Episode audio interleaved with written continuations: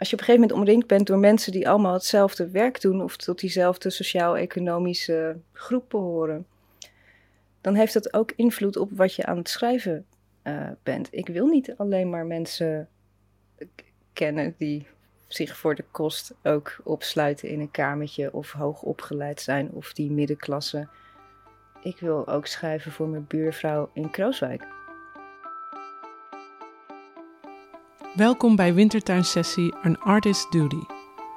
Ik ben Simone Atangana Bekono en ik ben door de Nieuwe Oost-Wintertuin gevraagd mijn ideale talkshow samen te stellen. Het resultaat is een reeks van drie podcastafleveringen geworden, waarin ik in gesprek ga met Alfred Schaffer, Daphne Huisde en Radna Fabias. De gesprekken gaan over engagement, dichterlijke vrijheid en de ontwikkeling van kunstenaarschap naar aanleiding van twee uitspraken van Nina Simone die ik selecteerde. Moet je compleet jezelf zijn en het publiek dwingen middels die hyperindividuele expressie naar zichzelf te kijken? Of is het de taak van de maker om te reflecteren op wat zich in de al dan niet politieke wereld afspeelt en geëngageerd te zijn? Is het iets daartussenin? In de werken en de ontwikkelingen van het makerschap van deze drie schrijvers komen allerlei elementen samen die me nieuwsgierig maken naar hun standpunten met betrekking tot Simone's uitspraken. Samen gaan we dan ook op zoek naar hun motivaties, visies en denkbeelden over die zogenaamde artist duty waar Nina Simone het over heeft. Mijn tweede gast van deze wintertuinsessie is een in 2010 gedebuteerde schrijver met twee boeken op haar naam. Ze is in 1988 geboren in Rotterdam, waar ze nog steeds woonachtig is, en studeerde een tijd filosofie voor ze haar leven aan het schrijven besloot te wijden. Haar op haar 22e uitgebrachte debuut Alles is altijd fictie werd met lovende kritieken ontvangen en werd genomineerd voor de Academia Literatuurprijs en door Wim Brands opgenomen in de bloemlezing De Nederlandse literatuur van de 21ste eeuw. In Alles is altijd fictie wordt op beklemmende wijze de schijnbare leegte in het leven van een twintiger beschreven. En lijkt elk personage recht uit de Rotterdamse tramtoestel te zijn gelopen. Geen slecht begin voor een debutant. Hierna volgde de in 2013 verschreven roman Dit blijft tussen ons, waarin, op een andere manier dan in Alles is altijd fictie, de vraag wordt gesteld hoe nou eigenlijk om te gaan met de verhalen die we onszelf vertellen, om het leven draaglijk te maken. Welke afstand we precies nemen tot onze medemens, om om te kunnen gaan met de manier waarop zij, maar ook wij zelf, met de realiteit van ons leven omgaan. Dit blijft tussen ons werd genomineerd voor de Halenwijnprijs 2013. In het werk van deze schrijvers smelten humor, filosofie en maatschappijkritiek samen. Zaken uit ons dagelijks leven lijken tot de bizarste elementen van het verhaal te behoren, waardoor we ons af gaan vragen of alles wat we zo normaal vinden eigenlijk wel zo normaal is. Of onze ideeën over de wereld om ons heen eigenlijk wel zo logisch zijn. Uiteindelijk vraag je je bij het lezen van deze schrijver af: wat voor spel speel je eigenlijk met ons? Welkom bij deze wintertuinsessie, Daphne Huisde. Oh, dankjewel. Hallo. Hallo, dat was een mooie intro. Jezus, je maakt me nu al verlegen, dus dat is een goed begin hoor. Ja. maar ehm, ja, hoe is het met jou in deze coronaperiode? Je bent volgens mij aan het schrijven aan een nieuw, aan een nieuw boek. Ja, for, forever. Uh, dus ik was al moe. En, en nu ben ik nog steeds moe. Maar ja, niet, niet door corona, gewoon. Het is. Uh, eh, 2020 was natuurlijk fucking vermoeiend. En 2021 wordt dat dus ook. Ja, dat hebben we net gemerkt, toch? Gisteren is uh, de, het kapitool bestormd in Amerika door Trump-aanhangers. Ja, we zijn nog geen week verder en we hebben al een koep gehad. Dus dat belooft wat. Ja, dat dacht ik ook. Ik, dacht, ik, had, ik had wel ergens de hoop dat uh, in ieder geval een week zonder groot wereldnieuws zouden meemaken. Maar dat was natuurlijk ijdele hoop. Tuurlijk, want je weet natuurlijk dat het onzin is, zeg maar oud en nieuw. En dan uh, om twaalf uur is alles anders, dat is cool. Maar ik dacht, ik ga toch een keer gebruik proberen te maken van het placebo-effect, weet je wel? Ik ga het mezelf wijsmaken dat het gebeurt. Nou, Nee. nee. Nou, het, is, het, is, denk ik ook. Uh, ik, vorig jaar heeft me wel geleerd dat um, denken, het kan niet slechter dan dit, dat je dat nooit moet doen. Het kan altijd kutter. Dat kan. Ja, het kan, ja. En dat heeft vast ook wel invloed gehad op eh, eh, het schrijven en eh, alle andere dingen die het leven. Ja. ja. want als je toch, als je de hele dag waanzin ziet op het nieuws en dan probeer je terug te gaan naar je boek en fictie te maken.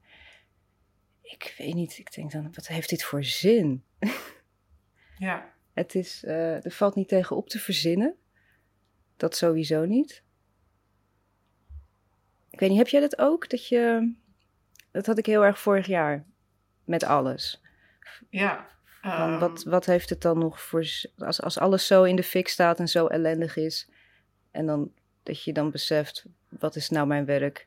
Ik, ik verzin verhaaltjes voor de mensen. Ja, je wil natuurlijk heel graag een, een soort. Uh, een soort schrijverschap hebben of een soort overtuiging dat het ertoe doet. En dat kunst dan, ja, wat iets is waardoor het allemaal, dat het belangrijker is of zo, dan al die super wezenlijke dingen. Maar dat vond ik ook wel heel moeilijk hoor. Uh, ik, uh, ik heb mijn manuscript ingeleverd, denk ik, een maand of zo na alle protesten van Black Lives Matter en zo. Dat was echt wel heel vervreemdend. Ook gezien het onderwerp, dus dat was wel echt ik vond het zo wonderbaarlijk dat jij. Want wat zei je nou? Van jij had, jij had het toch voor elkaar gekregen op de een of andere manier om in een soort kokonnetje te zitten en dat boek maar af te maken. Maar ik vond het echt. Uh, ja, ik moet zeggen dat het me ook wel. Um, er moest daarna wel, wel wat. Er, er waren wat dingen daarna waar ik echt aan moest werken, laat ik het zo zeggen. Ik was zwaar uitgeput, uh, fysiek en mentaal je onderwerp is ineens overal, de hele dag. Ja. Dus dan kun je op dat moment inderdaad heel gezond uh, je compleet afsluiten. En ik ga het straks allemaal wel verwerken. Maar wanneer is dan straks? Is dat al gelukt? uh, nee. Ja, nee. Maar ja, dat, de vraag is ook, vind ik altijd. Ja, wat, wat verwerken dan of zo? Iets wat we al lang wisten, maar nu overal in het nieuws is? Ja. Dat is ook nog de vraag, uh, denk ik. Ja, maar daar zat natuurlijk ook wel iets in. Want het is inderdaad iets wat je al lang weet. En um, het is allemaal geen verrassing. Ook nu, deze week, met deze koepoging. Het is allemaal geen verrassing. Het is allemaal niet nieuw. Het is, het is zo treurig voorspelbaar. Ik was gisteren weer door je, door je boek heen aan het gaan. En die zinnen die je uh, van Salome erin. Van ik, ik ben een kei in het begrijpen. Ik begrijp het allemaal. Ja. Ja, dat. En dan?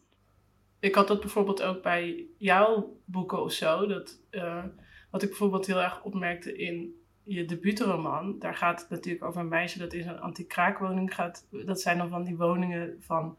Net voordat we deze hele wijk platgooien en veranderen in een, in een veel te grote supermarkt... Ja. Kunnen jullie hier nog heel even goedkoop van genieten of zo? Ja, joepie. Ja, en dat ik dacht van ja, dat was 2010 en het is nu 2021 en Rotterdam is toch wel echt heel anders nu. Het is, uh, nou ik zit, ik zit, ik woonde toen ook zelf in een anti-kraakwoning, verrassing. Ja. ja, ik heb daar ook gewoond in Amsterdam. Ja. En het was heel, uh, ja, toch, ik bedoel, de ruimte is natuurlijk fantastisch, maar het, het, het idee dat je elk moment je huis uitgezet kan worden is best wel stressvol. Of kan dat zijn? Want ze hadden het, ik weet niet, had jij dat ook, dat ze dan op controle kwamen? Uh, ja. Um, bij mij kwamen ze één keer in, in het half jaar of zo. Ja, bij mij kwamen ze onverwacht. En ik woonde daar officieel niet, want ik was toen nog armer dan nu. Oké. Okay. je... ik wou vragen, is dat mogelijk? Maar dat was een grapje, hè? Dat... ik doe er geen uitspraken over. Het, was, het, was, het was om te janken. En het was gewoon, zeg maar, met elke persoon die er kwam wonen, dan moest je nog een keer datzelfde huurbedrag betalen. Nou, dat kon er dus niet af. Nee. Uh, dus ik, ik woonde daar dan, ja, eigenlijk illegaal. En al mijn, um, dus er moesten ook niet echt sporen van zijn, of niet te veel sporen dat ik daar echt woonde. Dus ik logeerde daar. Um, en ze hebben nu dat hele huis natuurlijk schitterend opgepimpt. En er staat zo'n keuken in, weet je wel, met zo'n uh, zo'n kookeiland. Wat ergens ook gewoon niet klopt in Rotterdam-Noord, ik weet niet. En nu zit ik dan in, uh, in Krooswijk, ik las een tijd geleden zo'n artikel dat ik schijn nu in de armste postcode van het land te wonen. Dus ik ga er echt. oh, oké. Gefeliciteerd. Dankjewel. Ja. Maar het is hier ook zo'n hele rare mix van de sociale huurwoningen aan deze kant van de straat en aan de overkant, ja, daar, daar zijn de bakfietsen. Ja. En die, die moet je natuurlijk ook hebben. Nou ja, moet. Hm.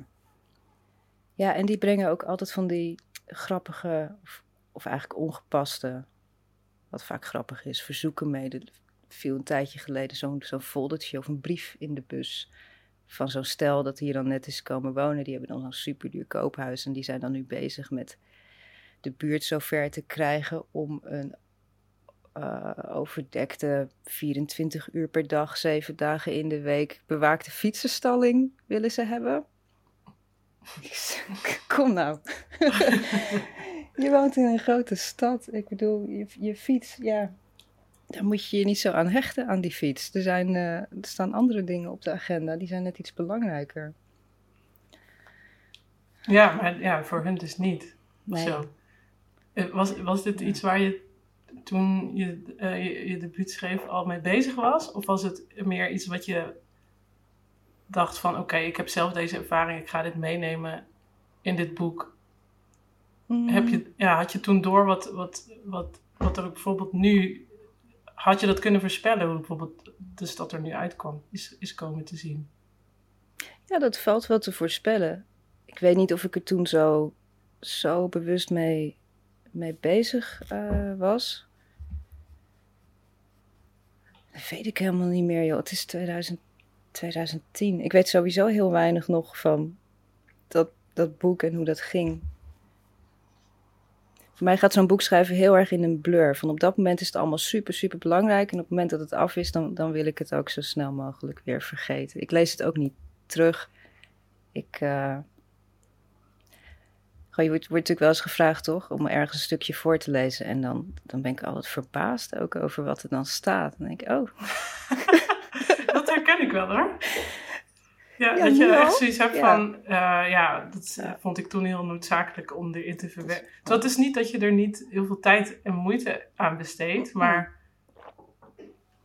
Nee, het was het, belangrijkste dat er was op dat moment. Maar dan ben je klaar en dan is het weg. En eigenlijk op het moment dat andere mensen er iets van gaan vinden, dan, dan, dan heb ik het eigenlijk al, al afgesloten en dan ben ik door naar een ander verhaal. En heb je dan ook dat als andere mensen het erover hebben, dat je dan denkt van, oh, dit zijn allemaal thema's en onderwerpen die ik misschien, ja, ze wel kunnen bedenken misschien, maar waarvan je niet denkt, dat heb ik er niet zo in gelezen of dat heb ik er niet zo bewust ingezet. Ja, ook. Want ik, ik ga niet echt zitten met een lijst aan thema's die ik er dan zo in wil. Het is, het is geen schoolboek, dus dat, dat is het niet. Maar ik vind het altijd wel, wel iets moois en zijn het de dingen die je er heel bewust in hebt gestopt en waar je het meeste aandacht hebt besteed, dat ziet niemand. Dat is dan ook wel weer mooi. Ja? Ja. Kan je een voorbeeld geven bij, bij iets? Uh, nou, met, nou, met alles is altijd fictie had ik. zat er toch best wel moeite in om het hoofdpersonage. Um, ja, hoe noem je dat nu? Genderneutraal? Van het was, het was geen het was geen man, het was geen vrouw. Het, de leeftijd, daar heb ik niets over gezegd. Allemaal opzettelijk niet, omdat ik wilde dat de lezer dat zelf allemaal zou invullen. Ja, ja. Al dan niet bewust. En bijna niemand heeft dat uh, gedaan. Iedereen uh, ging ervan uit dat het een, inderdaad een jonge vrouw was in dat verhaal. En het is me maar één of twee keer gebeurd. Het was een keer een echtpaar, die kwamen naar me toe. En die hadden, die hadden het allebei gelezen en die hadden er een beetje ruzie over gehad. Ze... die man die was ervan overtuigd dat ik over een jongen had geschreven en die vrouw dus over een meisje. Toen wilden ze uitsluitsel van me hebben. En ik was vooral blij dat ze ruzie hadden gehad. Ik dacht, dat ja, is, precies. Daar was het me om te doen. En, want, en waarom? Uh, ja, dat boek dat dat bestond toen ook. Een soort van het hele verhaal ging er heel erg over dat het een tamelijk oningevuld ik-personage was. En dat hij heel beïnvloedbaar was door alle personages eromheen en de gebeurtenissen. En die werd heel erg gestuurd. Dus ik wilde dat zo, zo kaal of leeg mogelijk. En ik hou er wel van. Ja, je zei het net ook om een soort. Ik hou er wel van inderdaad om een spel te spelen met de lezer, dat je meedoet. Ja. Ja, het effect dat het op mij had was inderdaad dat uh, ik aan het einde van het lezen, en dat had ik eigenlijk ook bij, uh, bij Dit blijft tussen ons, dat ik naar de hand dacht, ja maar dit is helemaal niet, jij zegt nu iets, maar dat is helemaal, nou, jij bedoelt iets, jij, jij bent iets heel anders aan het doen ondertussen, snap je? Ja. Alsof je een soort van vals speelt met kaarten of zo. Wat ik ook wel eens doe, ja. Dat geloof ik meteen. ik weet niet waarom, maar ik vind jou zo'n persoon. Ja. Ja, dat vind ik, ik. Ik vind dat wel, ik vind dat, ik vind dat zelf heel leuk. Als het, um... ja, is ook met het boek wat ik nu aan het maken ben. Dat, uh, het heet ook charlatans, dus dat, is, nou, dat klopt. Ja. En er zitten heel veel illusionisten in en toestanden. Dus ik ben, ik ben de afgelopen paar jaar heel erg veel bezig geweest daarmee. Met hè, illusionisme van hoe werkt dat. Dat is heerlijke research om te doen. Dus het is sowieso de researchfase. Het voelt haast niet als werk. Het is gewoon feest. En nu kan ik ook echt vals spelen met kaarten en trucjes doen. En het heeft altijd wel iets moois. Ik vind het mooiste als je bijvoorbeeld een, een doet of een kaarttruc voor mensen. Ehm, je, weet, je hebt allebei de afspraak van ik ga iets doen wat, wat niet eerlijk is. Uh, maar dat is juist het plezier ervan. Er gebeurt iets heel moois met mensen als ze iets zien wat, wat eigenlijk onmogelijk is. Dan komen ze altijd net iets dichterbij. En ze worden daar heel. Uh, het een soort kinderlijke verwondering die er dan bij ze opkomt. En ik, ik vind dat gewoon heel erg er zit echt een soort schoonheid in. En het lijkt natuurlijk, illusionisme lijkt heel erg op het werk wat we doen. Ik bedoel, je maakt een roman. Het is, het is allemaal bedacht. Het is uh, eh, 101 keer herschreven. Het is, het is niet een spontane, spontane gebeurtenis.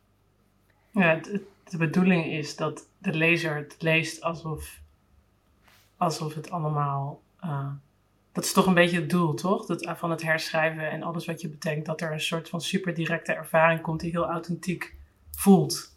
Precies. Uh, en die dus inderdaad heel bedacht is. Ja, dat. Want, want hoe lang ben jij nou bezig geweest met confrontatie? Super lang, toch? Eigenlijk. Ja, ja, drieënhalf jaar zo, vier jaar. En de.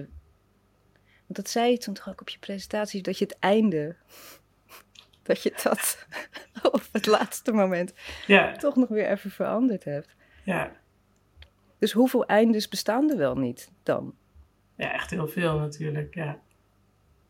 En, maar maar dat, is, dat is ook wel grappig, want aan de ene kant heb je dus dat sommige dingen zijn echt per ongeluk of zijn erin gegooid. Ik weet niet, dat zal je vast zelf ook wel eens hebben, dat je soms tijdens het schrijven ook maar denkt van, nou ja, dan doe ik nu even dit. Of uh, ik pak even snel dit erbij. En dan. Uh, uh, en sommige dingen die je echt per se erin wil vanaf het begin weet van deze scène, daar draait het dan om. En die keeper je er dan toch op het laatste moment uit. maar er is dus aan de ene kant iets heel erg intentioneels. Zo het idee van: dit is, ik ben dit spel met jou aan het spelen. En deze, dit heeft bepaalde regels of zo. Mm Die jij hebt bedacht.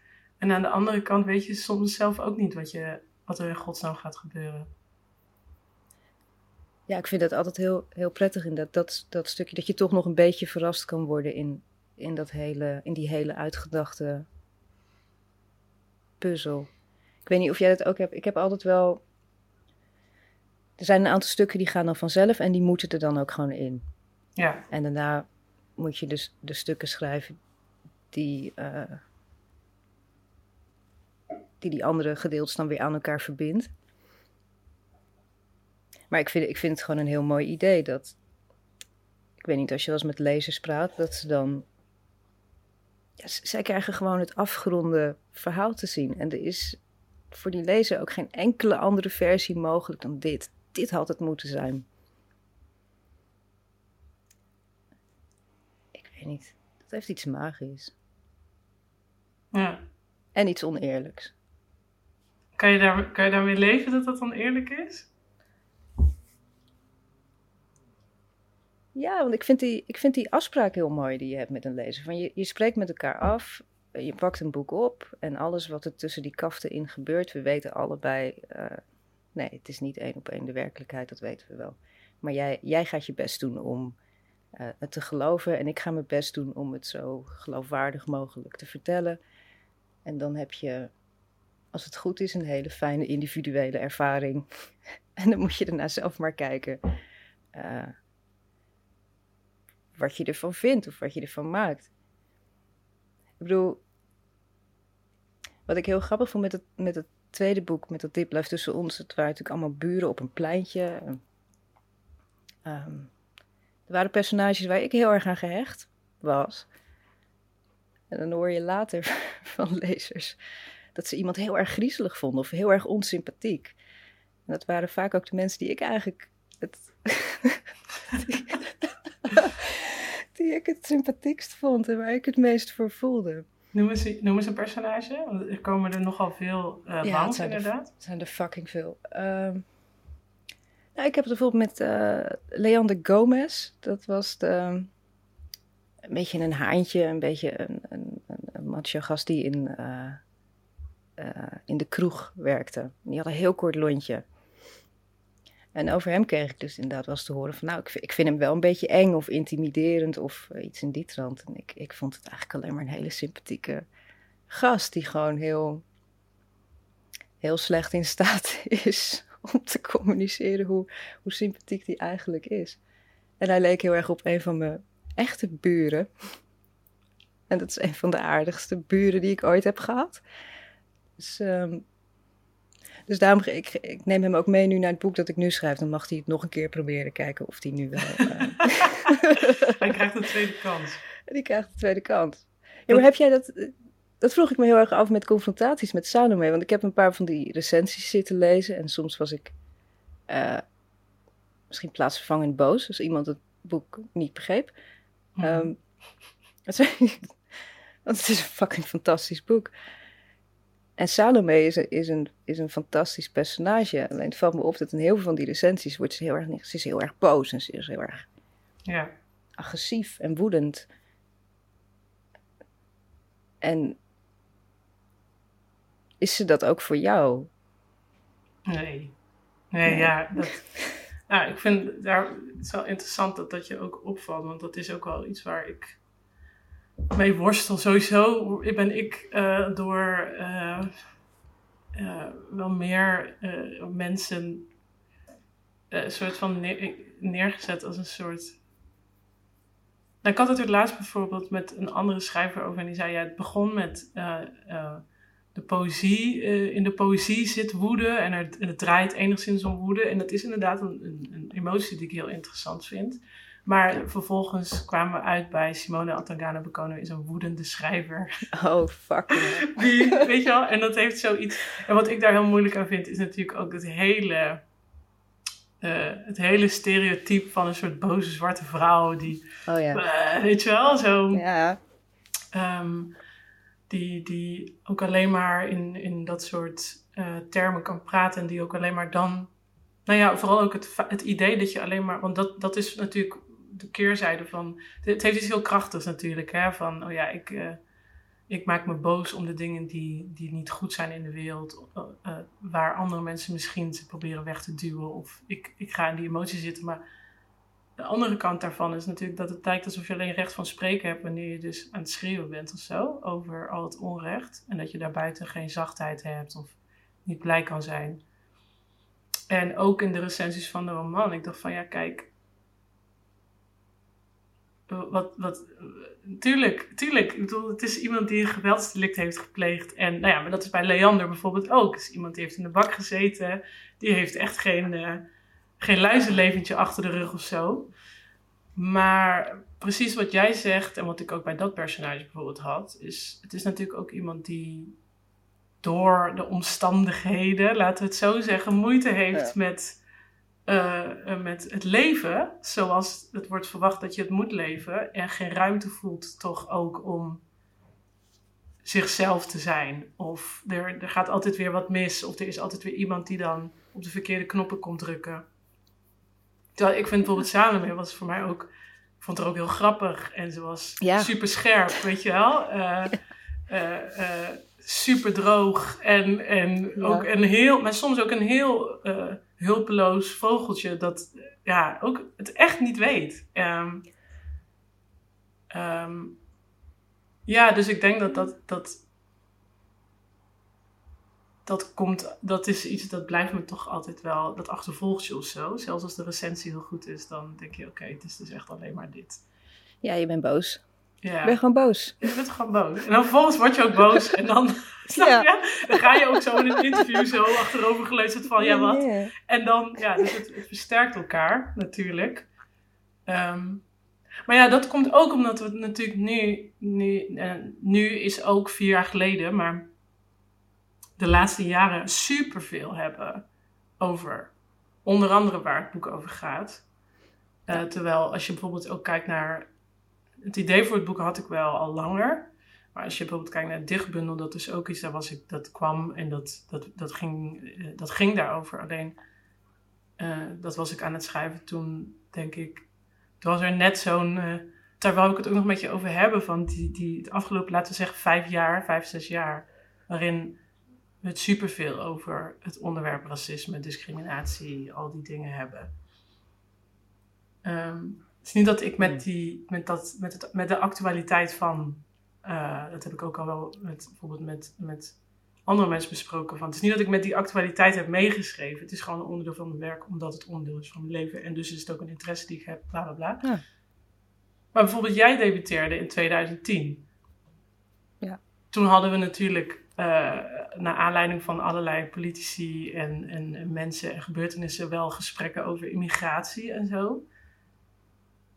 Maar alles was, alles was wel echt anders. Zo. Ik bedoel, mijn boek speelt zich af in 2008 en ik merkte toen ook, toen ik een beetje research ging doen naar van uh, ook bijvoorbeeld naar, naar uh, Goed uit de Rimboe, dus de, de tv-show waar uh, de tv-show in mijn boek op is gebaseerd. Dat ik ook dacht van, er waren misschien drie mensen in, in, de, in de Nederlandse media die zo waren van, dit kan echt niet. Echt niet, ja. Ja, die ophef, dat is, dat is nieuw.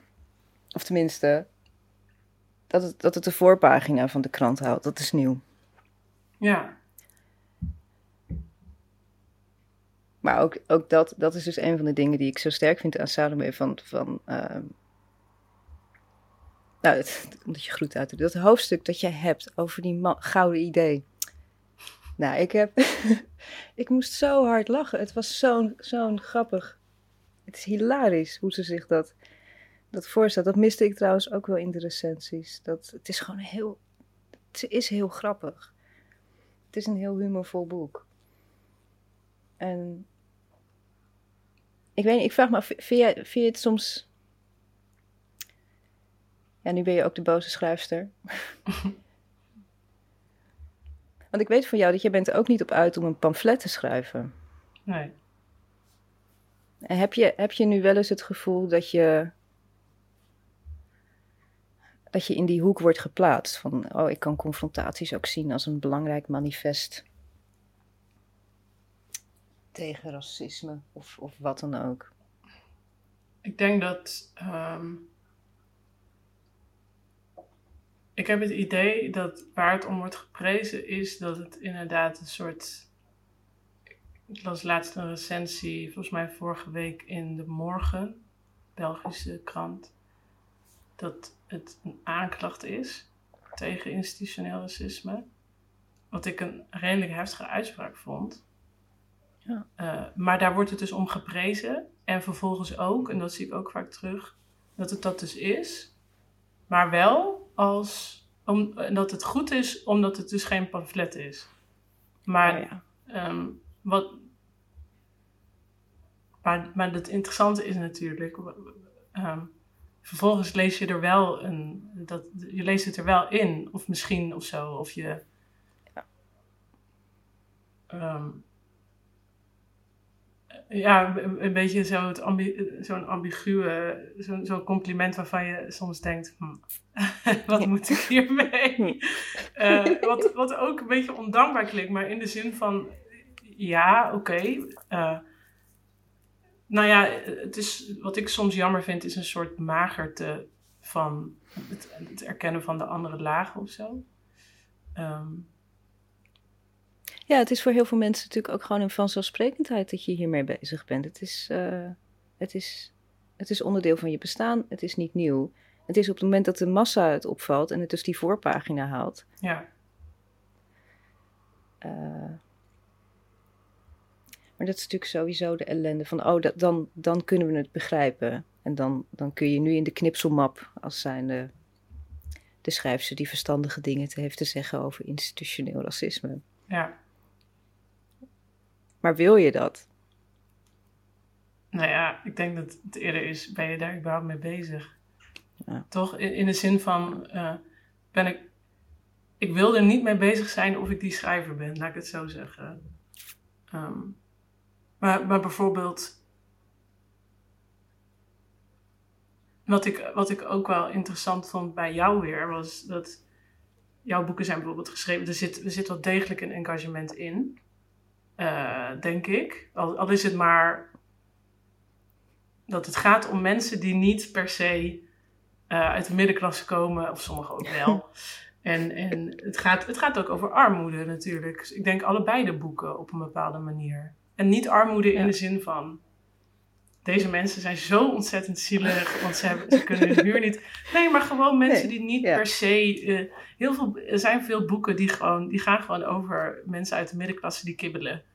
Uh, wat ik heerlijk vind om te lezen trouwens. Uh, net zo, Maar net zo goed als dat ik dit soort werk goed vind om te lezen, omdat daar gaat het hier niet per se over. Um, het gaat bijvoorbeeld over een, een, een ja, je had het net over Leander uit uh, uh, Dit blijft tussen ons. Die broer, hij heeft een broer die eigenlijk een soort.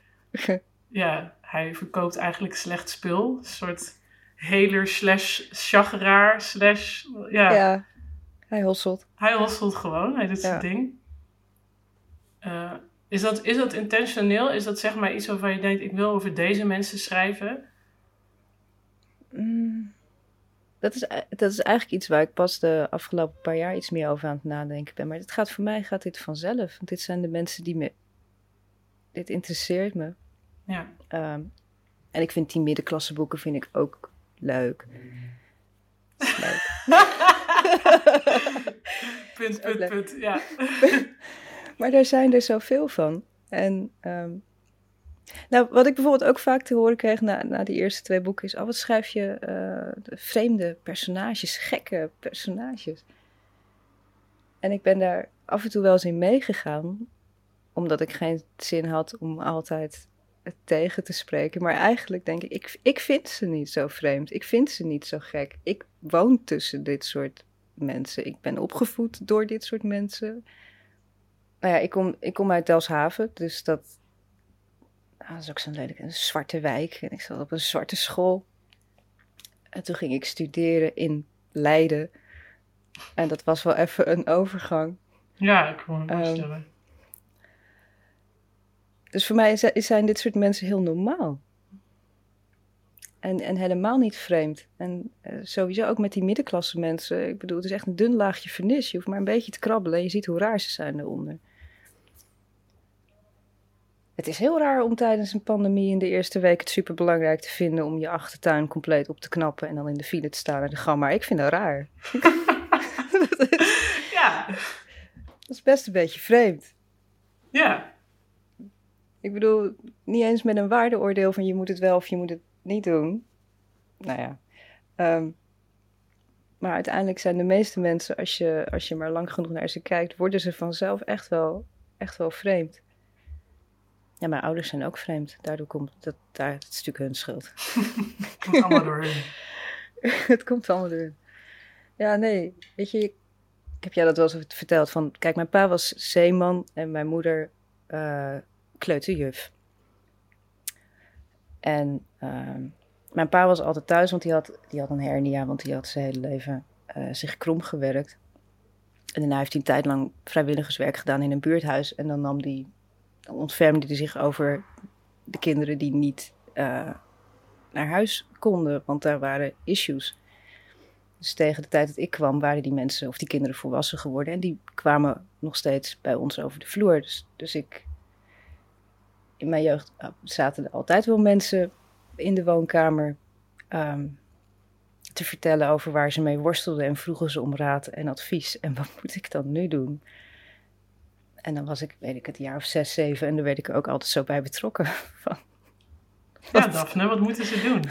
wat moet je nou doen? je dat, nou, ik weet het niet. Ik denk, als je, als je het niet meer leuk vindt om te werken in de koffieshop, dan, dan moet je misschien iets anders gaan doen. of ja, als je vrouw je inderdaad heeft buitengesloten, misschien moet je dan op zoek gaan naar een ander huis. Ja. Of uh, ik weet niet, als je vriend een mes heeft getrokken in een ruzie, dan is het misschien wel tijd om te vertrekken. En uh, het is pas echt later, dus sinds dat ik naar Leiden ging en uh, toen was ik, ja, ik moest er na een half jaar ook weg, want ik trok dat niet. Kwam ik erachter dat, dat dit dat deze mensen als vreemd worden gezien. Dat lijkt me een hele rare ervaring. Ik bedoel, dat is natuurlijk, dat zeg ik nu, haha, maar dat hebben, we hebben natuurlijk allemaal zo, nou niet eens allemaal, maar ik denk veel mensen, of redelijk wat mensen hebben, op een gegeven moment een moment dat ze denken, oké, maar dit is dus eigenlijk heel raar voor sommigen, of voor ja. een bepaalde, of de, waar ik niet terecht kom, weet je wel, op de universiteit, of, of wat het dan ook is dat ik uit een bepaalde omgeving kom die. En dan ga je ook pas nadenken over, maar wat, is dan het grotere plaatje waarin de, de mensen tussen wie ik ben opgegroeid raar zijn en die andere mensen dan niet, of zo. Dat, ja, ik weet niet. Ik kan me herinneren in zo'n introductieweek dat iemand me dus aan het uitleggen was dat bij zo'n studentenvereniging dat ze elkaar wel eens een corrigerende tik verkopen. Dat is raar. Dat vind oh, ik raar. Ja. Ja, dat vind ik ook wel raar. dat vind ik best wel gek. Ja. maar dan was ik vreemd, omdat ik, uh, omdat ik dat dus raar vond. Je, je verplaats je van milieu naar milieu, weet je. Wat je inderdaad je gaat studeren of je hebt een keer, ja, gewoon al die eerste gekke baantjes die je dan hebt. Of uh, literair Amsterdam. Vind ik ook raar. Vind ik echt raar. ik denk dat het heel gezond is om dat een beetje raar te vinden. dat vind ik raar, ja. Ik vind dat een hele, hele rare. Het is een heel raar milieu. Ik heb altijd zo het gevoel dat iedereen, als je dan op zo'n feestje bent, dat niemand het echt leuk vindt, het hele feestje niet. Als je het ze vraagt ook, één voor één, maar vind je het nou eigenlijk leuk dit? Ja, nee. Maar waarom de fuck doen we dit dan? Maar de vraag alleen al is natuurlijk. dat stort er gewoon een beetje de wereld in van de ondervraagde. Als je dat alleen al vraagt ja, ik weet niet. Voel jij je thuis? Daar? Of? Ja. Nee, natuurlijk niet. Nee, natuurlijk niet. Nee, maar het is denk ik ook niet. Op het moment dat je je daar thuis voelt, in wat ja, je noemt het literaire milieu. Ik denk dat het literaire milieu ook, dat is ook denk ik een kenmerk ervan. Iedereen denkt dat ze er niet in zitten. Of denk ik een aantal na. Ehm, op het moment dat je het idee hebt dat, dat, dat, dat, dat je daar goed zit of dat je daar onderdeel van uitmaakt en je het niet meer raar vindt, dan is het denk ik tijd om heel snel te vertrekken en aan een nieuw boek of zo te beginnen. Nou ja, het is denk ik ook wel. Ehm, je zei net, ik ben de laatste jaren eigenlijk met, ook nu je aan dit boek bezig bent, aan nadenken over dat je kan uitzoomen en kan kijken van die andere twee boeken en bijvoorbeeld de reacties daarop blijkbaar zegt dat dan iets over de soort schrijver die ik ben of de thema's tussen haakjes die ik mm. belangrijk vind. Is het dan dat je denkt, oh, daar wil ik. Daar wil ik dan ook verder mee? Of daar wil ik ook. Uh, um, ja, ik weet niet. Um, is het belangrijk, zeg maar, voor jou om te weten? Is het iets wat je wil onderzoeken? Of blijf je toch bij, weet je wel, wat je helemaal in het begin van het gesprek zei, van ja, uiteindelijk ben je gewoon, je, je bedenkt iets en je hoopt dat dat iets doet met die lezer. Je bent dat spel aan het spelen. Jezus. Uh... ja, dat, dat spel kan ik sowieso blijven, blijven spelen wel.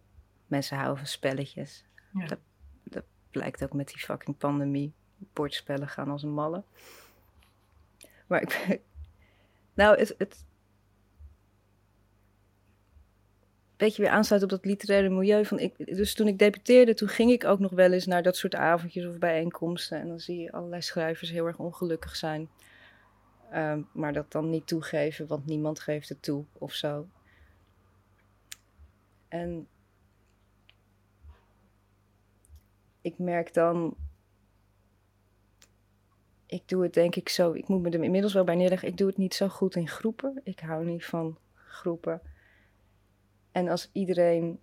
Als je op een gegeven moment omringd bent door mensen die allemaal hetzelfde werk doen. of tot diezelfde sociaal-economische groep behoren dan heeft dat ook invloed op wat je aan het schrijven uh, bent. Ik wil niet alleen maar mensen kennen die zich voor de kost ook opsluiten in een kamertje of hoog opgeleid zijn of die middenklasse. Omdat ik wil dat. Ik wil ook schrijven voor mijn buurvrouw in Krooswijk. Ja. En um, ik denk als je mee verkast in een ander milieu en je gaat je daar comfortabel voelen. Dat, ik weet niet, het beperkt, het beperkt zo. En daar kun je niet eens zo gek van aan doen. Dat is gewoon wat gebeurt. Ja. En zowel dan als mens als als schrijver of zo. Maar volgens mij ligt je. Uh, het beperkende is dan vooral van invloed op ook wat je aan het schrijven bent. Dat het daar ook mee te maken heeft voor jou van dat zou ik niet willen. Bedoel nee. je? Nee. Ja. Nee, er, lopen gewoon zoveel verschillende mensen rond op de planeet. Het is, het, is, uh, het is alleen maar leuk om er zoveel mogelijk te leren kennen en ook gewoon te begrijpen. Ik vind het, bedoel, het, het zijn dan wel mensen. Ik schrijf al dan niet bewust inderdaad dan over mensen die ik tegenkom, maar ik probeer ook wel. Juist ook wel eens. Nou, wat ik dus nu om, dan over personages, gewoon personages maken die je vreselijk onsympathiek vindt, die je absoluut niet begrijpt. En dan net zo lang blijven graven totdat je, uh, totdat je je die gedachtegangen eigen maakt. Dat, daar zit voor mij wel een groot gedeelte van het plezier in. Dat je je begrip zo kunt oprekken tijdens het maken van een boek. En dat maakt het soms ook zo vreselijk verwarrend bedoel, vorige keer had ik uh, iets van 15, 15 personages of zo, een heleboel perspectieven. En daarna was ik kapot. Dat begrijp ik, ja. ik heb nu minder perspectieven, maar ik geloof dat ik er nou 30 heb of zo. 30 personages? zoiets. Dus het... Uh, een soort Tolstoy. Maar dan luchtiger. Dat heb ik ook wel. Ja. Ik was, ik was ook heel blij dat je net um, ook zei dat, dat er ook humor zit in die, die boeken. En dat is toen ze ontvangen werden niet zo heel erg opgepikt. Terwijl dat er volgens mij eigenlijk wel in zat. Het is allemaal niet zo serieus. En ik, ik hou dat ook niet vol, merk ik, als ik aan het schrijven ben. Ik, ik kan niet heel erg lang het, het serieus houden. Nou ja, misschien heeft dat ook wat te maken met wat je... Ja, het, het erkennen van dat je ook gewoon...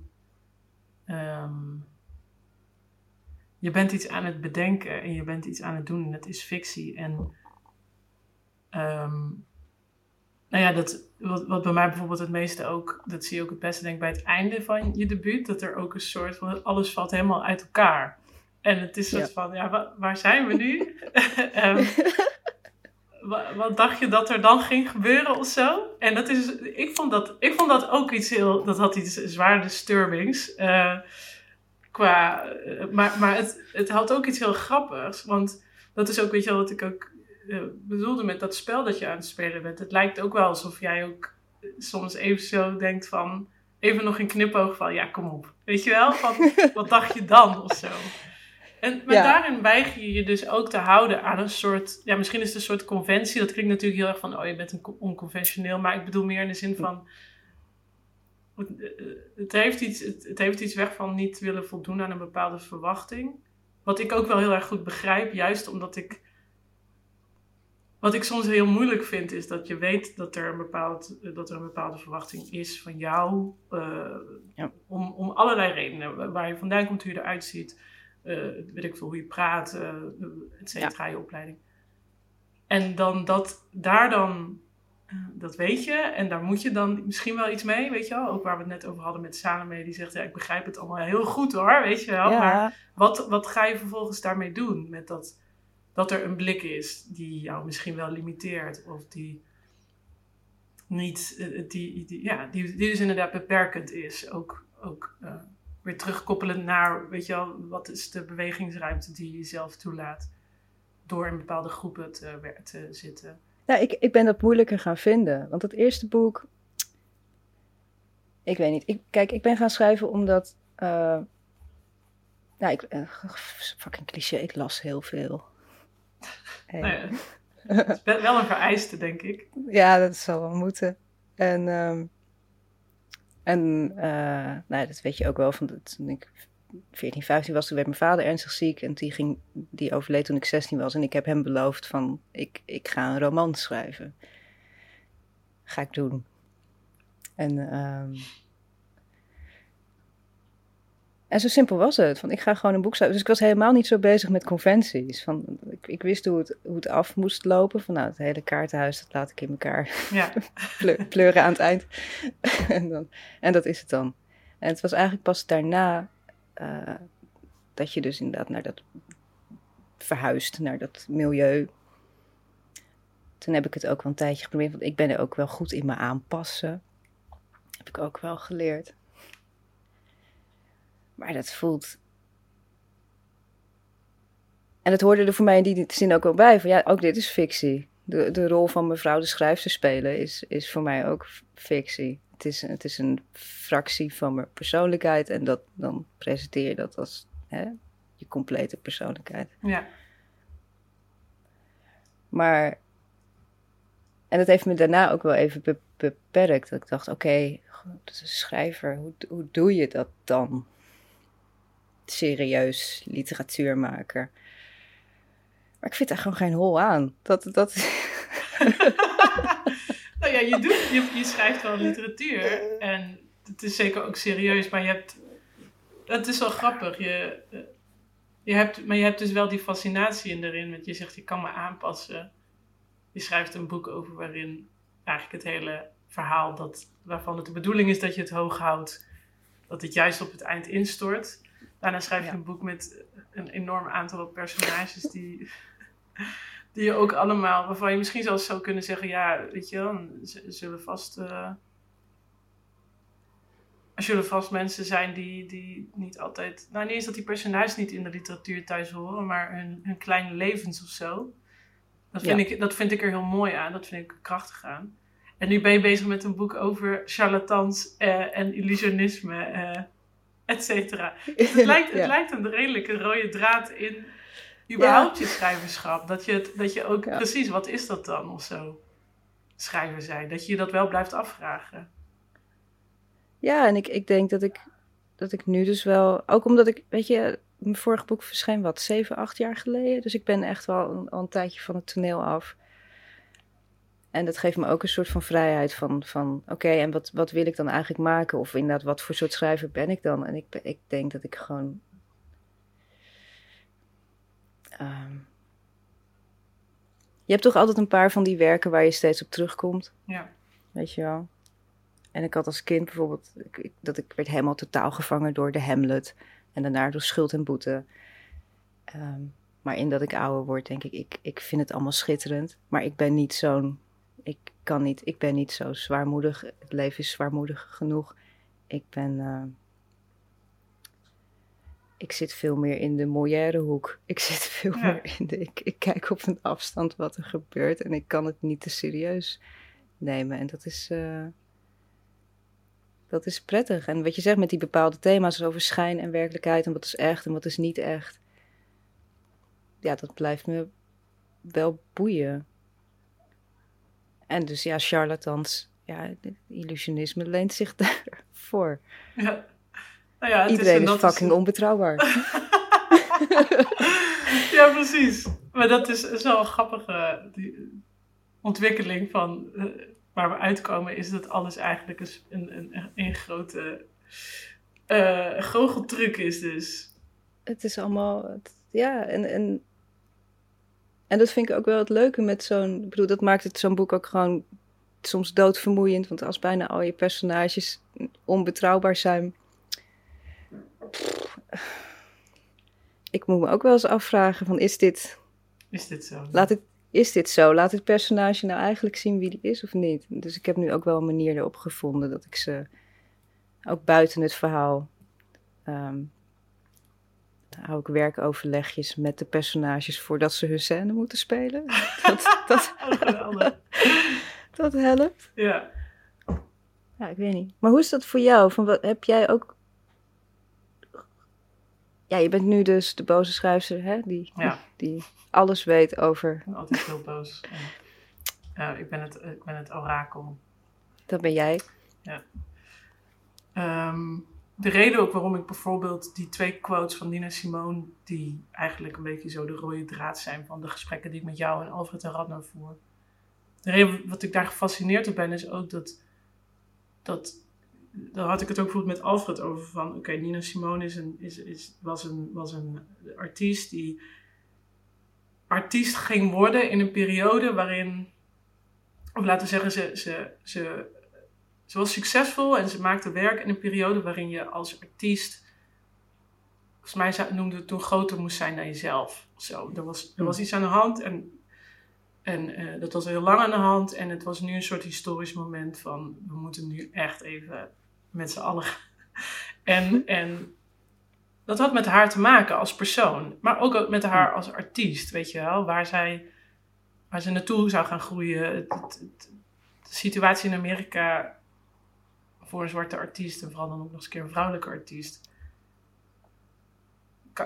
Voel je de vrijheid of zo om eh, je als artiest te ontwikkelen tot wa- waar je dan ook je naartoe kan ontwikkelen? En het antwoord daarop was denk ik voor veel makers toen nee. En voor haar was het een soort van een missie van ik ga dat allemaal kapot maken, zodat ik het gevoel heb Ja. dat ik meer, Ja. meer en dat, was natuurlijk, dat, dat heeft natuurlijk ook te maken met waar we het over hebben van... Ja, wat, wat moet je met die, met die beeldvorming? Met, met goede recensies die dingen zeggen waarvan je kan denken, oeh, weet je wel? Of, of, Ja. Of inderdaad het wel of niet oppikken van bepaalde elementen in je werk die er toch wel echt heel duidelijk in zitten, of et cetera. Ik vind het interessant om, om daar, ik denk, dat, ik denk dat je daar wordt- toe wordt gedwongen om erover na te denken. En aan de ene kant is het nutteloos, want je moet uiteindelijk gewoon weer gaan zitten en werken en je ding doen. En, en Ja. aan de andere kant kan het ook wel gevaarlijk zijn als je ja, niet eens gaat geloven in iets, maar als iets zo overduidelijk, die framing zo overduidelijk plaatsvindt. Of zo, denk ik tenminste. Ik weet niet hoe jij daarover nadenkt. Maar... Ja, ik, de- ik denk gewoon, wat, wat alle mensen met elkaar gemeen hebben, is we zijn heel beïnvloedbaar.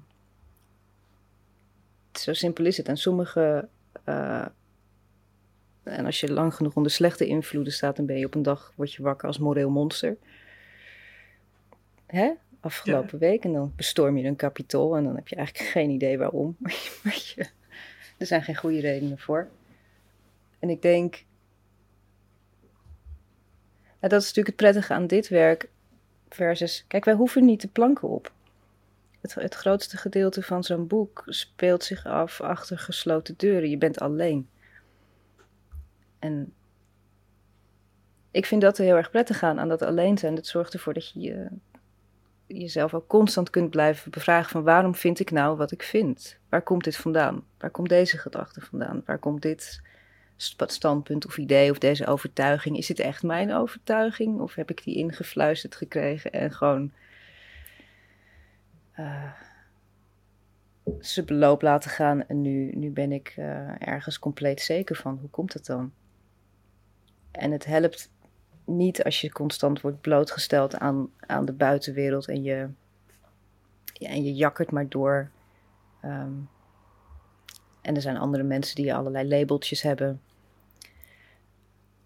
Ik denk dat het heel gez- gezond is om, om juist als je die momenten opzoekt, en voor dit werk moet het dan, eh, om jezelf eens goed te bekijken welke labels er nou op je zitten en, en wil je die? Ja. En als je ze hebt en je wil ze niet, hoe kom je er vanaf? Ja, precies. Het is ook, je zegt, ehm, die overtuigingen die je hebt om, om die te onderzoeken. Ik denk, dat niet, ik denk ook dat niet elke schrijver dat per se als onderdeel van zijn werk beschouwt. Maar dat heb jij dus wel. Ja, ik, ik, ehm, ik vind het ook zo. Ik vind het alleen maar gezond als je om de zoveel tijd jezelf eens goed onder de loep neemt en, en van gedachten verandert. Het is zo eng, die mensen die, die, die jarenlang dezelfde overtuigingen erop nahouden. En ik, ja, het, het voelt als een slechte, slechte gewoonte haast. En het is ook, het is ook nou ja, net zoals Salome, van ze begrijpt alles. En het is ook omdat ze constant, eigenlijk op het moment dat je denkt dat je er bent, van ik begrijp het compleet. Nou, dan kun je eigenlijk beginnen met herschrijven, doe je het nog een keer. Klopt het echt? Ja. Weet je zeker dat je alles begrijpt? Mis je Salome? Dat wilde ik wel even. Mis je er? Ehm. Want je, hoe lang is ze nou in de wereld? Een maand of vier, vijf? Ja, sinds september, dus het is nu januari. Nee. nee, maar dat, dat, ik weet niet hoe dat met jou zit, maar ik heb wel echt, eh, vooral dan zo in het laatste deel van het proces, dan zit je, dan zit je toch in, je hebt zelf die zinnen geschreven, het is het personage, je kent haar en ze is heel, heel diepgaand en zo hoor, maar ja, het is natuurlijk wel iemand die gewoon dag en nacht in je oor zit te tetteren. Met allerlei meningen en, en gedragingen. En, en jij hebt dan ook nog eens een keer veel meer personages. Maar ik zat dus de hele tijd vast aan dit persoon. jij zit in haar hoofd. Ja. Dat, jij zit in zo'n ik-perspectief. Dat, dat, Precies, dat ja. leek me zo uitputtend. En ze is heel rijk aan emoties. En ze is heel erg gelaagd en ze is heel aanwezig. Ja. Nou ja, en, Vind je het gek jij, dat je jij niet zit, slaapt? denk ik in dat opzicht veel meer te schakelen of zo. Van, oké, nu doet hij dit Ja. en dan, dat heeft dan weer... En bij mij is het, het is gewoon, precies, je zit in één persoon zijn, eh, hoofd en dat, dat... Nou, je weet, het is net alsof je nu in je eigen, in je eigen gedachten vastzit. Je, het gaat maar door. Maar hoe deed je dat dan? Kijk, want ik had inderdaad de luxe eh, van... Nou, als, als ik geen zin heb in Leander Gomez... Dan schrijf ik even iets over... eh, ja, dan begin ik met de volgende. En hij was voor mij niet de vervelendste om te doen, dus het viel nog wel mee. Maar je kan inderdaad niet, niet switchen naar iemand anders. En op dagen... Ik bedoel, ze heeft natuurlijk dagen dat ze tettert, maar ze heeft, neem ik ook... eh, Ik neem aan ook dagen dat, ze, dat je er niet hoort. Of dat ze even... Ja. Hoe kom je er dan bij? Hoe krijg je die stem dan weer terug? Ja, dat is denk ik wel. Nou ja, sowieso is er ook nog een tijd geweest in het schrijfproces waarin eh, ik ook andere personages, eh, dus vanuit het perspectief, het ik-perspectief van andere personages schreef. Van haar zus. Hm. Ehm, en ik denk nu in retrospect dat dat eigenlijk inderdaad een manier was om ook haar van een andere kant te kunnen bekijken. Want dat was, dat was heel lastig. Als je in iemands hoofd zit, dan. Ja, ik zit niet. Weet je wel, ik ben niet die vlieg op de muur. Ik, zit, ik, ik, ik, ben, ik moet haar Ja. helemaal. En, eh, en soms was ik dit gewoon helemaal kwijt. Ook op punten dat ik, dat ook ik misschien zelfs nog niet wist van... Oké, maar hoe zou 16-jarige in deze positie, met die, die dit persoon is, hierop reageren? Omdat ik dan alleen mijn eigen ervaring had als... als dat was meestal een teken dat ik of inderdaad research moest gaan doen naar bijvoorbeeld... eh, ehm, Oké, wat zijn situaties waar ik erin terecht kan laten komen, maar ook dat ik na moest gaan van wat, wat, wat, wat voelt zij hier? Wie... Dus dat, zo, zo moest ik dat doen. En als ik haar, soms, ja, soms hoor je iemand niet. En dan moet je heel lang zo voor je scherm zitten van, Waar ben je? ja, wat, wat, wat gaan we doen? En dan heb je ook toch een soort werkbespreking, net zoals wat jij zegt van, oké, nou, vandaag gaan we dit doen. Ehm, Precies. Wie heeft er zin in vandaag? ja, alleen niet. dat al, alleen dat al. Alleen dat al. En als jij geen zin hebt en het is morgen nog steeds zo, dan schrijven we je eruit. Ja, Zo simpel precies. Ja. Ultimatums ja, helpen ook Ja. altijd heel goed. Ja, ja, Ja. tuurlijk. Ja, en, en, en daar dus en voor jezelf en dat personage. Dus ik heb ook inderdaad daar gehad dat ik daar dan zat en ik dacht, ja, luister, jij zit nu al een week lang niet, niet in deze scène te doen wat ik wil. Of je, je gedachten zijn zich aan het herhalen eh, op een manier die niet super interessant is. Kijk, weet je wel, dus je, hoe, hoe ga je deze emotionele doorbraak maken dan? Had je zelf een plan? Ja, precies. Eh, Ja, en dan, dan begint dus inderdaad, wat je ook helemaal aan het begin van het gesprek zei, pas de invuloefening van wat het boek eigenlijk is. Ja, wat, wat is het? Wat betekent het? En het betekent kennelijk totaal iets anders voor, voor jou dan voor, voor mij. ander. Voor die ander.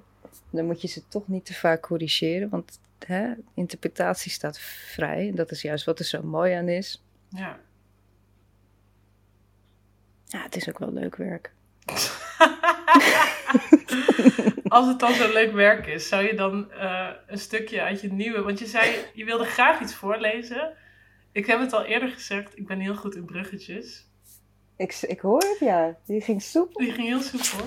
Die Uh, ging heel soepel. eh, je, je wilde graag wat voorlezen uit nieuw werk, wat ik heel leuk vind. Want ik zit vol spanning op dat boek te wachten. Eh, en zo nog meer mensen. Ehm, ga je een stukje voorlezen uit Charlatans? Ja, ik, ik ga een stukje voorlezen. Ik vind het wel eng. Maar ja, hey, fuck it. Het is een safe space. Gadver.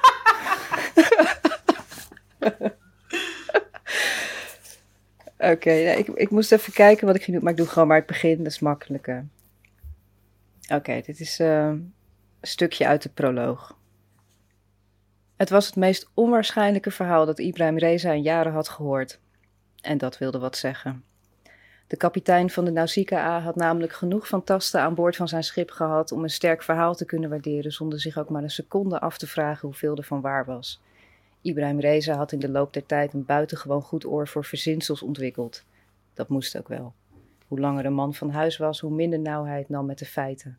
Daar was hij van overtuigd. Op zee was de waarheid geen vastomlijnd begrip, eerder een bewegelijke schaduw onder de oppervlakte van het water. Hij wisselde een blik uit met zijn stuurman, maar Levi leek zich ook geen raad te weten met het vreemde duo aan de andere kant van de tafel. Dat was op zich niet verrassend. Levi wist zich zelden raad met onbekende mensen. Hij werd er zenuwachtig van, wilde een goede indruk op ze maken, zich van zijn beste kant laten zien. Ook nu sloofde hij zich uit om het de oude man en het meisje naar de zin te maken. Hij hield ze de laatste muffe kaakjes uit de koektrommel voor, die ze, heel begrijpelijk, afsloegen en pakte toen de koffiekan. De oude man en het meisje lieten zich onbewogen bijschenken. Kalm. Alsof er niets aan de hand was. Alsof ze niets te maken hadden met het fabelachtige verslag dat ze zojuist hadden verteld. Of in elk geval niet meer. Kapitein Reza hield beschermend een hand boven zijn mok. De koffie was te slap naar zijn smaak. Sinds hij zich door Levi had laten overhalen om diens neefje een kans te geven in zijn kombuis, werd er op zijn schip alleen nog homeopathische koffie gedronken. En vanochtend was Fons kennelijk zo ijverig geweest om de komst van hun onverwachte gasten meteen door te berekenen in de rantsoenering. Reza schoof zijn mok van zich af. Zodra ze weer land aandeden, zou hij Fons vervangen door een Italiaan met een gezonde pens. Zijn gasten leken echter nergens last van te hebben. De oude man, die zich had voorgesteld als Gizmo, een naam die de geloofwaardigheid van hun verhaal naar Reza's idee weinig goed deed, had niet eens in de gaten dat het slootwater zijn baard inliep. Zo gulzig slobberde hij het lauwe goedje naar binnen. Levi grabbelde in zijn broekzak en schoof een verkreukelde zakdoek over de tafel. Gizmo bromde een bedankje en depte zijn nek droog, maar zijn mok liet hij niet los. Het stelde Reza gerust om te zien dat hij kennelijk niet kalm genoeg was om zijn behoefte aan cafeïne te verbergen. Levi onderdrukte een gil. Hij had ze gisteravond als eerste gezien. De zon had al laag in de hemel gestaan toen de bemanningsleden van de kleine kustvaarder zich op het dek hadden verzameld om de was op te hangen. Een wekelijkse collectieve bezigheid waar kapitein Reza op stond, want hoe langer een man van huis was, hoe minder nauw hij het nam met zijn persoonlijke hygiëne. De standaarden die zijn mannen eraan wal op nahielden waren zijn zaken niet. Reza was niet geïnteresseerd in hun plakkerige contacten, nog in de smakeloze verhalen die ze erover opdisten. Het ging hem niet aan hoeveel douchebeurten zijn mannen oversloegen in hun vrije tijd, maar op zijn schip was geen ruimte voor viezigheid. En hij was juist bezig geweest Fons dit op barse toon uit te leggen. De jongen had randen onder zijn nagels waar je een week koffie van kon zetten, toen zijn stuurman hem plotseling bij zijn arm had gegrepen. Kijk! Levi's wangen waren rood van opwinding. Daar, in de verte! Hij wapperde met een verschoten theedoek. Mensen! Reza tuurde naar de horizon, maar zag niet meer dan een donkere vlek op het water, een stuk wrakhout, een schaduw misschien. Het was geen geheim dat Levi, die de eindverantwoordelijkheid voor een schoon schip droeg, het moeilijk vond om de bemanningsleden aan de strikte hygiënegeboden van hun kapitein te houden. Het lag niet in zijn aard om de lakens uit te delen, het commanderen viel hem zwaar. En omdat alles makkelijker te dragen was als je je gesterkt voelde, liet Levi zich graag ondersteunen door een hartversterkertje uit zijn heupflacon. Sterker nog, in de twaalf jaar dat Reza hem nu kende, was er geen dag voorbij gegaan waarop Levi nuchter de zon in de zee had zien zakken. Maar zolang hij zich niet in de koers vergiste, liet Reza zijn stuurman begaan. Ook Levi's idee van soberheid was zijn zaak niet. Ik zie niks, bromde hij. Kun jij die neef van je vertellen dat hij zijn tengels wat vaker onder de kraan houdt? Ik ben niet ingeënt tegen wat het ook is dat hem mankeert. Reza probeerde zijn arm los te rukken, maar Levi liet hem niet gaan. Hij sleurde hem mee naar de reling en stak de theedoek in de lucht. Ze zwaaien, zie je dat niet? Reza begreep dat er niets anders op zat en kneep zijn ogen samen. De schaduw werd donkerder, kwam langzaam los van het water en toen had hij het gezien. Een kajuitsloep, stuurloos deinend op de golven. Het was een vreemde vangst. Mannen, vrouwen, oud, jong, een kind en een stokoude kat. Sommigen tegen onderkoeling aan, anderen gloeiend van de koorts. Sommigen lachend, anderen huilend van opluchting. Allemaal uitgeput. Ze hadden dagen rondgedobberd, zonder eten, haast door een watervoorraad heen en in zoveel staten van verwarring dat het een wonder mocht heten dat ze niet waren gezonken. Gizmo was als eerste aan boord gehezen. De oude man droeg een ochtendjas over zijn flanellen pyjama en paarse pantoffels aan zijn voeten. Dank u, had hij gestameld. We hebben al zoveel, zijn al zo lang, we zijn. Toen had hij zijn handen voor zijn gezicht geslagen. De rest van zijn woorden was opgegaan in een onverstaanbaar gesnotter. Reza had zijn vest uitgetrokken en om zijn smalle schouders gelegd. Morgen, had hij gezegd. Morgen zullen we praten. Dankjewel. Dat Dit uh, smaakt naar meer. dat was uh, de proloog van Charlatans, of in ieder geval een deel ervan. Ik denk dat uh, ik voor meer mensen spreek als ik zeg dat we heel erg benieuwd zijn. ik wil je heel erg bedanken voor dit gesprek. Um, jij bedankt, gek. Is leuk. Ja, tuurlijk. Uh, ja, ik vond het een genot zoals altijd om met je te spreken. En ik wens je heel veel succes toe met het afronden van je derde roman alweer. Dank je. Dit was de tweede aflevering van Wintertuinsessie Een Artist Duty. Bedankt voor het luisteren.